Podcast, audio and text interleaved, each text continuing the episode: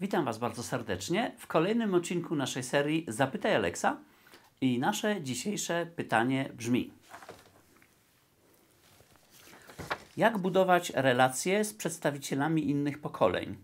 Częste różnice przekonań mogą doprowadzić do konfliktu. Jak temu zapobiec i jak uświadomić komuś, że to, jak on myśli, już nie działa? Y, tutaj mamy tak naprawdę dwa pytania, dwa w jednym, prawda? Bo najpierw mówimy o tym, jak zbudować relacje z przedstawicielami innych pokoleń, a potem jak ich do pewnych rzeczy przekonać. Pozwólcie, że na razie skoncentruję się na tym, jak budować takie relacje. No cóż, jeżeli chcę budować relacje z członkami, przedstawicielami innych pokoleń, to jest to tak naprawdę szczególny przypadek budowania relacji z ludźmi, którzy są różni od nas, prawda? To jest taki szczególny przypadek. Jak teraz takie relacje budować? No tu jest parę bardzo istotnych rzeczy na samym początku. Jeżeli budujemy relacje z ludźmi różnymi od nas, to jest bardzo istotne, żebyśmy nie zaczynali tych relacji mając jakieś uprzedzenia, szczególnie jakieś negatywne uprzedzenia. Oczywiście czasem może się zdarzyć, że będzie to nieuniknione, że po prostu musimy budować relacje z kimś, kto jest całkiem różny od nas i w bardzo wielu aspektach nam się nie podoba. Jeżeli jednak chcemy budować rzeczywistą relację, to, to niestety no, nie możemy ukryć tego naszego nastawienia i żeby teraz nie promieniować podświadomie tym negatywnym nastawieniem już na samym początku relacji, to trzeba stosować taki trik, który na przykład, jak czytałem, stosowali y, ludzie w Niemczech, którzy werbowali do służb specjalnych informatorów z mafii. To tam była też taka sytuacja, że ten werbujący miał zupełnie system wartości, to już bardzo daleko, od tego gangstera, prawda? I jaką metodę oni stosowali? Trzeba było w tym człowieku, którego trzeba było zwerbować, znaleźć coś, co się werbującemu rzeczywiście podoba. Coś, co, y, co ten werbujący może powiedzieć, wow, tak naprawdę ten człowiek, ja go odrzucam w całości, ale tutaj ta jedna rzecz mi się podoba, za tą rzecz ją cenię.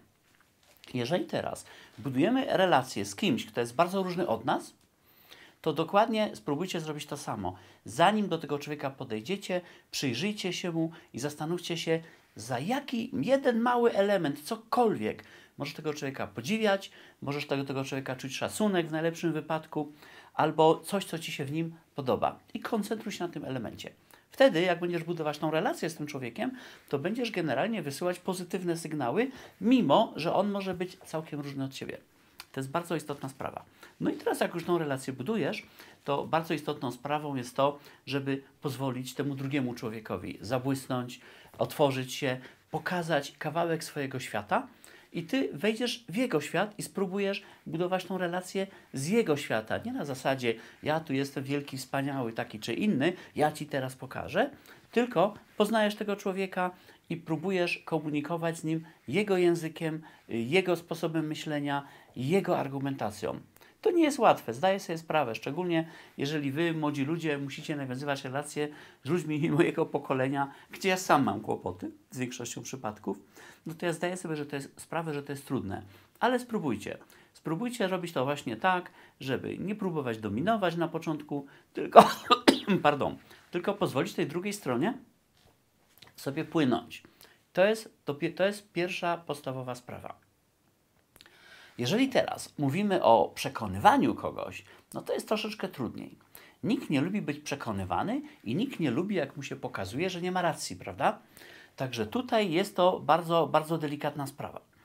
Generalnie rzecz biorąc, ja zawsze, zanim zabiorę się za przekonywanie kogoś, albo zanim, e, zanim pokażę komuś, że nie ma racji, to muszę sobie ściągnąć coś, co ja nazywam license to kill.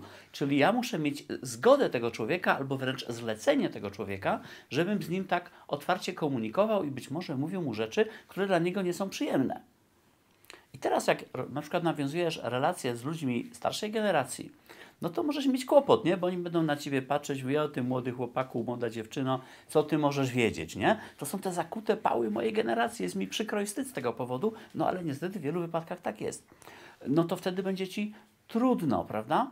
I co ja mówię? Dopóki nie ma sprawy życia i śmierci, że ktoś jest, czyjeś życie jest zagrożone albo czyjeś zdrowie jest zagrożone, to ja nie udzielam takich konsultacji. Ja mówię, okay, pozwolę temu człowiekowi umrzeć z tym przekonaniem, które ma, nie ma problemu, nie? On dotychczas jakoś sobie żył, no to będzie sobie dalej żyć. Ja nie będę z nim się po prostu bliżej zadawać. Jeżeli czasem mamy takie sytuacje, że ci ludzie są nachalni, natrętni, no to wtedy musimy zrobić coś w rodzaju alternatywy Alexa. Na przykład, typowy przykład, e, rodzina ciągle pyta, kiedy się wreszcie ożenisz, albo kiedy wyjdziesz za mąż. To jest bardzo typowe, prawda? To jest bardzo szczególne w Polsce, gdzie ludzie uważają, że jak są blisko spokrewnieni, to mają prawo wchodzić z butami w życie drugiego człowieka i się wtrącać i wypytywać co jest absolutną bzdurą w nowoczesnym świecie. To wcale tak nie funkcjonuje. No to wtedy trzeba zrobić alternatywę Alexa, powiedzieć, słuchaj, tak naprawdę to jest moja sprawa, moja sprawa, nie chcę na ten temat rozmawiać i mamy teraz dwie możliwości, w jaki sposób to osiągniemy, że nie będziemy na temat rozmawiać. Po pierwsze, jedna możliwość, przestaniesz mnie to ciągle wypytywać, a druga, nie będziesz miał okazji do wypytywania mnie, ponieważ ja nie będę utrzymał z Tobą bliższych kontaktów. To brzmi twardo, to brzmi brutalnie, ale to jest bardzo skuteczna metoda. Jak się okazuje, puszczenie bliskich ludzi, nie bliskich, tylko blisko spokrewnionych, na krótszą albo dłuższą dietę, jeśli chodzi o własną osobę, no to bardzo upraszcza komunikację potem. Potem to jakoś zupełnie inaczej funkcjonuje. No, ale jeszcze może jest jeden aspekt, że rzeczywiście ktoś dał Ci license to kill, chcesz go przekonać, on ma z tym kłopot ze względu na sztywność sposobu myślenia, bardzo często spotykane, no to tutaj mm, za dużej możliwości nie masz tak naprawdę. Możesz spróbować pokazać mu, pokazać mu wady jego dotychczasowego podejścia i wynikające z tego zagrożenia, albo jakieś zalety tego nowego, które chcesz mu pokazać.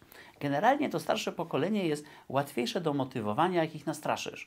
Ale tak, nie tak, żeby to wyglądało na straszenie, prawda? Ale jak pokażesz jakieś bardzo poważne zagrożenia, które wynikną z tego, jeżeli ta osoba będzie robić tak jak dotychczas.